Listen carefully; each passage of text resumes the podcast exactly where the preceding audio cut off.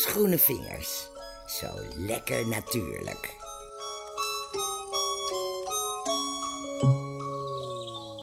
Ik ben aan het revalideren van een driedubbele enkelbreuk en ik kan weer een beetje lopen. En vanmorgen was ik aan het wandelen en ik geloof dat ik er zeker wel tien keer op ben gestapt. Maar dat geeft niet hoor, want hij kan er tegen. En dan heb ik het over de weegbree. Die komt zoveel voor en toch heb ik er zo vaak overheen gekeken. Hoe ziet hij er dan uit? Nou, die bladeren die lijken een beetje op voetzolen en die zijn heel dicht bij de grond, in een rozet. Daar steken dunne sprieten uit met aan het eind een soort mini-korenaren.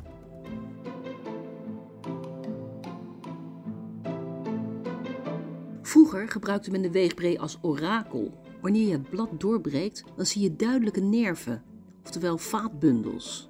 En elke uitspringende nerf is 10 jaar. En zo kom je te weten hoe lang je nog te leven hebt. Een leugenaar kon op dezelfde manier ontmaskerd worden. Dan werd het blad ook weer gebroken en het aantal nerven geteld. En zoveel leugens had je dan op je geweten. Dit is de elektronische secretaresse van Annie Schoenenvingers. Laat een boodschap achter na de piep. Zeg, Annie, ik heb een raadseltje. Weet jij wat ik weeg, Kunnen mensen daarop reageren? Kunnen ze bellen? Kunnen ze mailen? Kunnen ze appen? Alles. Ze mogen alles doen, alles tegelijk.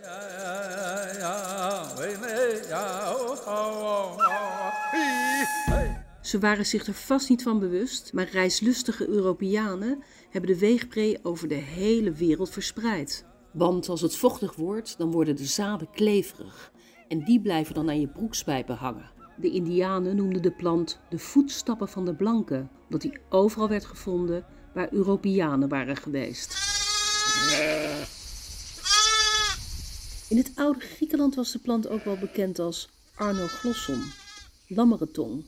Dat komt waarschijnlijk omdat lammetjes en schapen er dol op zijn. Ieder land heeft zijn eigen naam voor de weegbree. In Polen wordt de weegbree babka genoemd. Dat betekent oude, wijze kruidenvrouw. De weegbree is dus een brenger van gezondheid. Dat kan wel kloppen. Als je bijvoorbeeld een ontsteking in je mond hebt en je koudt op het blad, dan zal je zien dat die ontsteking minder wordt. Spuug het blad wel uit zodra je alle sap uit het blad hebt gekoud. Het was even zoeken, maar ik ben een nummer tegengekomen over de weegbree. In het Engels betekent weegbree plantain. We moeten afreizen naar het Caribisch gebied, want daar nam Mighty Sparrow in 1966 WG plantain op. Het kan zijn dat ik er helemaal naast zit en dat het banaan betekent, maar wat doet het ertoe? Ik zit hier te dansen op een stoel. This is Caribbean Vibes. A woman write a letter to the doc inquiring, tell me why you ban PG planting. Doctor, she said I am inquiring, why the hell you ban PG planting? Doctor, longer. Like if you want me to suffer with hunger, Trinidad planting I good at all. And so the men making style with them so they small. But one PG planting. Zo hé, wat een overgang. Van de heerlijke calypso naar de middeleeuwen.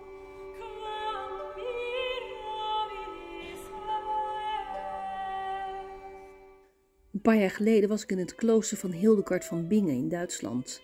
Ze leefde in de 12e eeuw. Het is een fascinerende vrouw.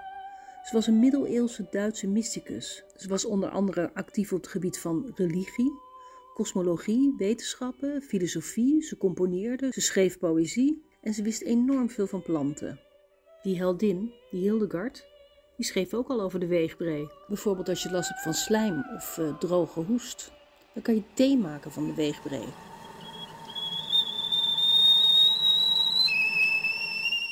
Laat het water na het koken even afkoelen, want als je heet water op de weegbree gooit, dan gaan de waardevolle stoffen verloren. Gebruik het kruid liefst vers, want het droge is lastig, want het wordt snel zwart. Het oudere blad is minder lekker en moeilijker te bereiden door de vezels. Je kunt er nog wel gebruik van maken, maar dan is het handig om die vezels er even uit te halen. Die thee kan je gewoon drinken omdat je het lekker vindt, maar je kunt er ook mee gorgelen als je keelklachten hebt of bij pijnlijk en bloedend tandvlees. Bij kiespijn kun je kou op het blad en bij oorpijn kun je het blad kneuzen en in je oor stoppen.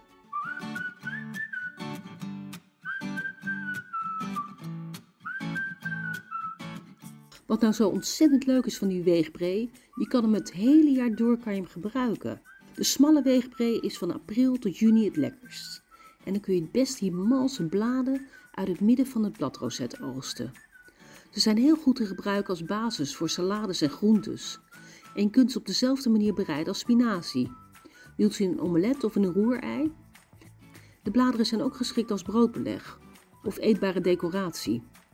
Van mei tot juli zijn de malse bloemkloppen te vinden.